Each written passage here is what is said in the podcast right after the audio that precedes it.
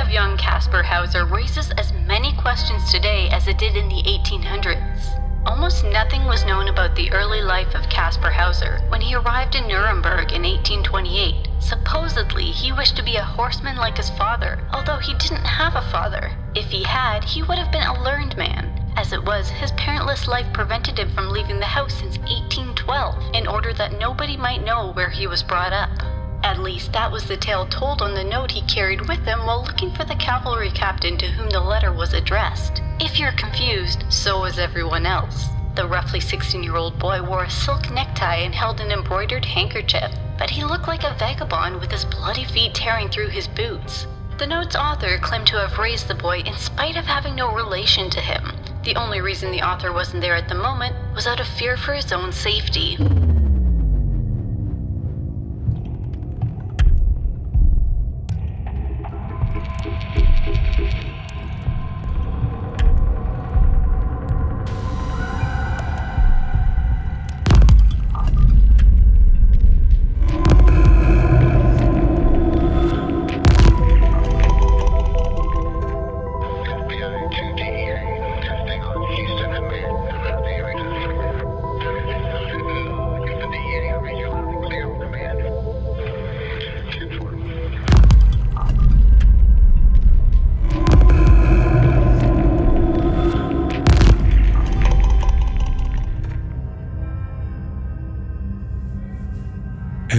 Av er kanske har hört talas om Kaspar Hauser. Andra inte. Men det är en riktigt mystisk historia som trots många försök och olika teorier förblivit en gåta. Själv hörde jag först talas om historien för många, många år sedan. Och tyckte att den var spännande, men jag trodde nog att gåtan skulle vara löst vid det här laget. Med all den moderna teknik som står till buds när det gäller sånt här. Hur som helst, här kommer historien. Den 28 maj 1828 var annandag pingst och det var den dagen alltihop började.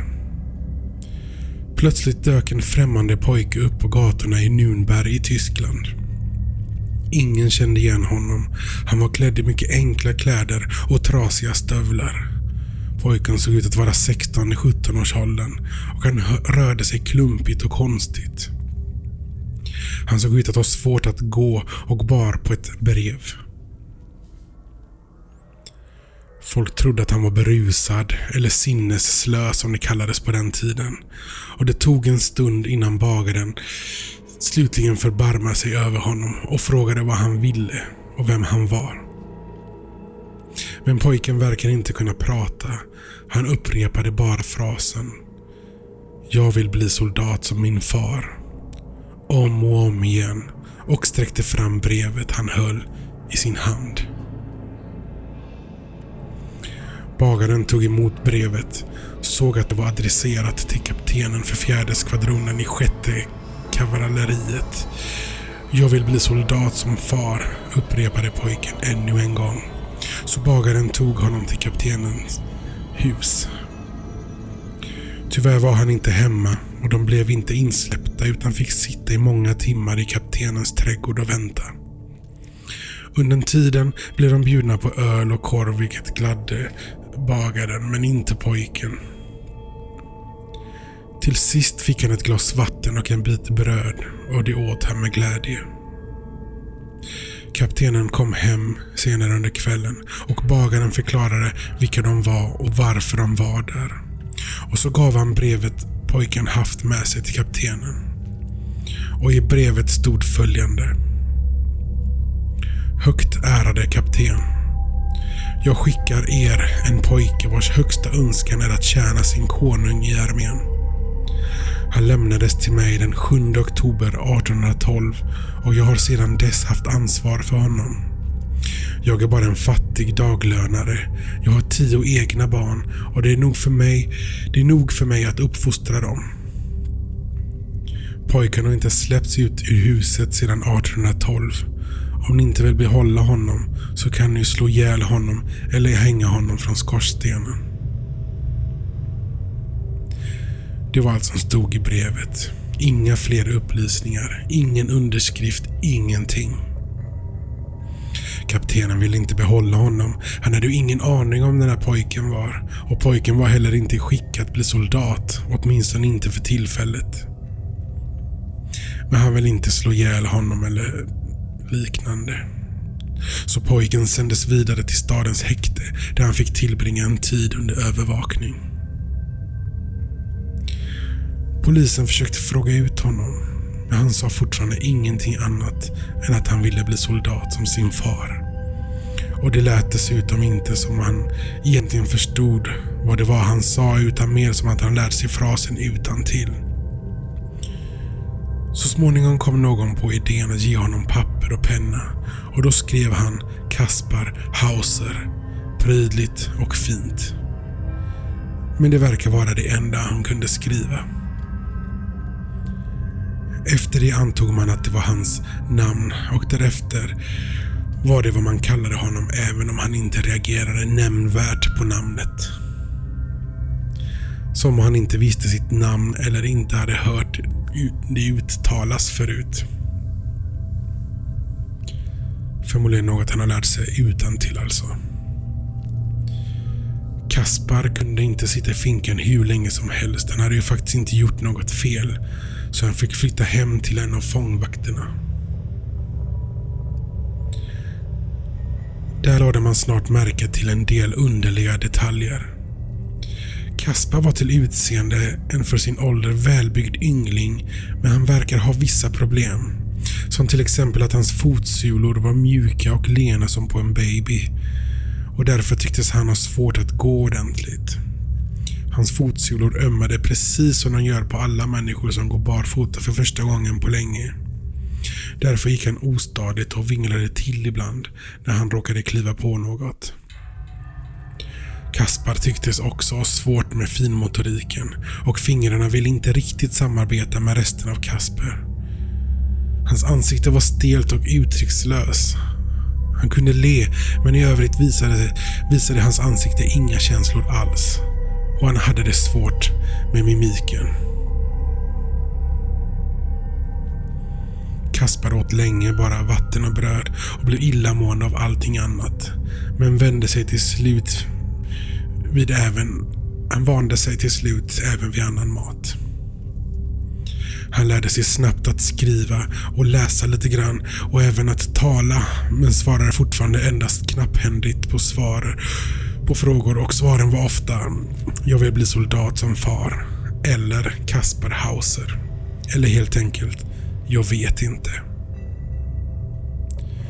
Men till slut var det som att han tyckte att hans ordförråd var tillräckligt stort och han kunde äntligen berätta sin historia. Och historien han berättade lyckades inte bringa klarhet i vem han egentligen var. Han sa att så länge han kunde minnas hade han bott i ett enda rum och bara sett en enda människa och den personen var maskerad. Det var ett mycket litet rum, nästan bara en cell. Det var två meter lång och ungefär en och en halv meter högt och nästan lika brett. Och det fanns endast ett litet ljusintag längst upp på väggen och inga övriga ljuskällor så han tillbringade all sin tid i halvdunkel eller mörker. Han sov på en halvmadrass. Han hade en enkel skjorta och ett par läderbyxor och hans enda leksak var en klumpigt täljd trähäst och några band. Varje morgon fick han vatten och bröd att äta. Och ibland smakade vattnet konstigt och när han drack av det så somnade han.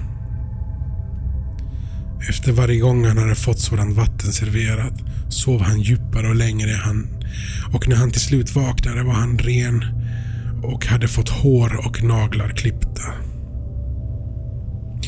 En dag kom en maskerad man in till honom och lärde honom att skriva Kaspar Hauser och att säga “Jag vill bli soldat som far”.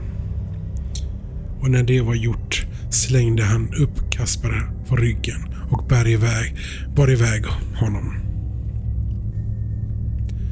Kaspar svimmade av det ovana och plötsligt skarpa ljuset och den friska luften och när han vaknade var mannen borta och han själv befann sig i Nürnberg, skrämd och förvirrad. Det var vad Kaspar berättade för fångvaktaren som han bodde hos och så småningom även för alla andra som ville lyssna. Och det var ganska många. Historien var så märklig att han blev en riktig kändis. Tidningarna skrev om honom och folk kom från när och fjärran för att se honom eftersom alla var nyfikna på både Kaspar själv och på vem han egentligen var. Somliga påstod att han var ättling till kungahuset och hade gömts undan redan som spädbarn eftersom han var politiskt farlig. Och det skulle faktiskt kunna stämma.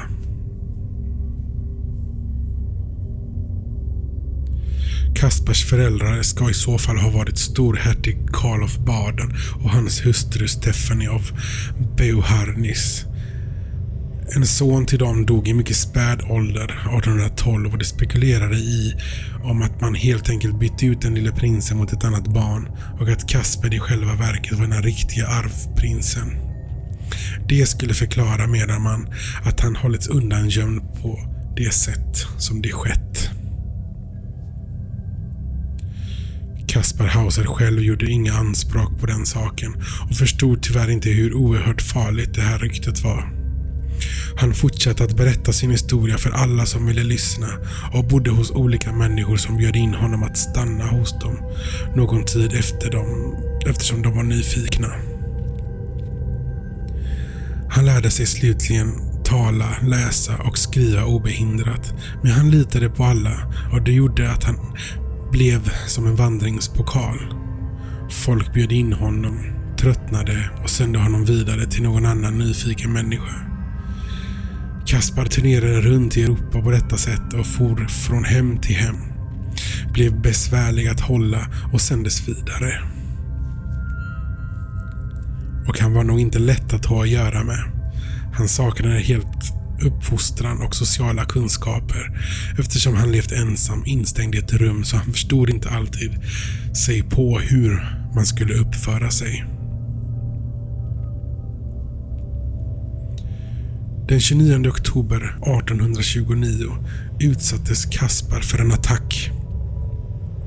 En maskerad person anföll honom och lyckades skada honom så att han fick ett större sår i sitt huvud. Attacken avbröts turligt nog i tid, men gärningsmannen blev aldrig identifierad eller gripen. Kaspar som tyckte att det hela var riktigt otäckt tog sitt pick och pack och flyttade vidare till en annan bostad och kom därför relativt snabbt i säkerhet. Eller det var i alla fall vad man trodde.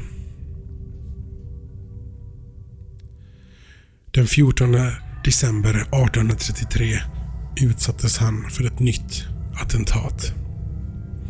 En okänd person lurar in honom i skymundan i stadens park med löfte om att få veta något om Kaspars bakgrund. Kaspar var naiv och godtrogen och följde med. Främlingen vände sig raskt mot honom och knivhögg Kaspar i bröstet och flydde från platsen. Vem som låg bakom attentatet och vad motivet var klarades aldrig ut. Men Kaspar avled några dagar senare i sviterna av det där knivhugget som skadat både hjärta, ena lungan och också, också levern. Ett rejält hugg och Kaspar Hauser var nu borta för alltid och mysteriet kring honom blev därmed för alltid en olöst gåta. Därmed inte sagt att det saknas teorier och även nutida försök att lista ut vem den här pojken egentligen var. En teori är att han var en helt vanlig enkel människa som levde under knappa förhållanden och på det här sättet fann en väg ut ur fattigdomen. Han fick mycket uppmärksamhet och han fick bo hos olika människor som hade det betydligt bättre ställt än vad han var van vid. Om detta stämmer skulle hela historien från början till slut vara påhittad av Kasper Hauser själv. En annan teori är att han var sjuk och led av Munchausen syndrom. En sorts självskadebeteende för att få uppmärksamhet. Personer som tror på den här teorin brukar hävda att ingen var närvarande vid de båda attentaten mot Kaspar och att han därför troligen åsamkat, åsamkat sig själv denna skada. Men råkade gå för långt när det gäller det dödliga knivhugget. Frågan är om man kan hugga sig själv så djupt att man skadar både hjärta, lunga och lever och sedan ändå lyckats ta sig hem för egen maskin. Ytterligare en teori är att Kaspar Hauser egentligen var någon helt annan. Som jag tidigare nämnde gick det rykten om att han egentligen var arvprins i det tyska huset Baden. Carlo Baden, som för övrigt var bror till den svenska drottningen Fredrika och hans maka Stephanie, fick 1812 en son då som sagt, som dog som spädbarn. Detta barn var arvprins till titeln och skulle en dag ha tagit skulle en dag ha tagit sin far Karl av Badens plats. Näst på tur att ta över titel och krona var Ludvig den första av Baden och hans halvbror Leopold. Ryktet gällande att dessa två i konspiration bytt ut den lilla arvprinsen mot ett dött barn och gömt undan prinsen som i så fall skulle vara Kaspar Hauser. När Kaspar dog fortsatte detta rykte och spädde på med att det var Leopold och Ludvig som beställt mordet för att deras hemlighet inte skulle avslöjas. När det gäller den här teorin har det faktiskt gjorts en del sentida tester. Senast 2002 gjordes ett försök att matcha DNA från Kaspar med en nutida släkting till Baden-familjen. Resultatet visade att han mycket väl kunde vara släkt med familjen och faktiskt kunde vara den förlorade arvprinsen. Men det kunde också stora delar av den tyska befolkningen eftersom släkten Baden var stor och hade många grenar. Det viskades också om att han kunde vara son till den franska kung Ludvig den XIV. Men det är en helt annan historia som jag kan berätta en annan gång. Så vad ska man tro om den här pojken egentligen? Var han en bluff eller var han faktiskt en undangömd arvprins som bytts ut vid så unga år att han saknade minnet utav det? Vi kommer nog aldrig få veta. Det enda som står helt klart är att Kaspar Hauser verkligen har funnits. Att han dök upp från ingenstans och dog en märklig död. Allt annat förblir ett mysterium. Vi vet inte ens om hans namn verkligen var Kasper Hauser. Var och en får skapa sig en egen bild eller teori om vem han var och var han kom ifrån från början. Jag kan inte ens själv bestämma mig för vad jag ska tro riktigt här. Kanske led han utav Munchhausens Munchausen syndrom. Kanske var det därför han hölls i ett litet rum för att inte kunna skada sig själv. Föräldrarna, som ju mycket väl kan ha varit fattiga daglönare med tio barn, kanske fick svårt att hålla koll på honom. Och Kaspar själv kanske inte klarar av att få lite mindre uppmärksamhet eftersom han hade många syskon och utvecklade det här syndromet på grund utav det. Så kan det faktiskt mycket väl ha varit. Å andra sidan var det inte ovanligt på den tiden eh, att politiska motståndare och människor som ville åt makt och fina titlar konspirerade på det sättet som Leopold och Ludvig den första sägs ha gjort. Och DNA-testet ger ju ett visst belägg för att han kan ha varit åtminstone släkt med dem.